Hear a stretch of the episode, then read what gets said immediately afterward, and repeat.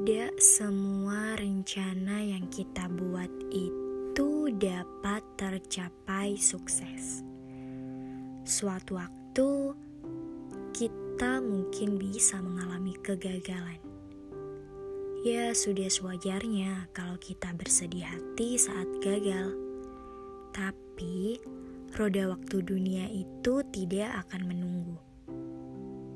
Ya, mau gak mau, kita harus segera bangkit.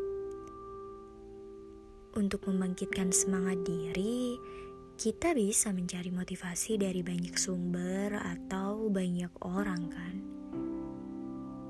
Ya, bisa kita mulai dari tokoh terkenal, buku inspiratif, menonton film edukatif, serta dari sumber lainnya.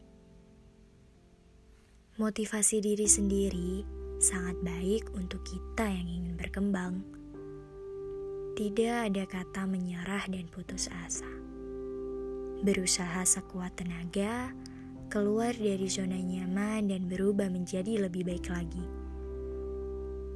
So, tidak ada yang bisa mengubah nasib kecuali doa dan usaha. Karena Kemarin adalah sejarah, hari ini sebuah pengharapan, dan esok hari merupakan misteri. So, now is time to upgrade. Ubah dirimu lebih baik dari hari kemarin.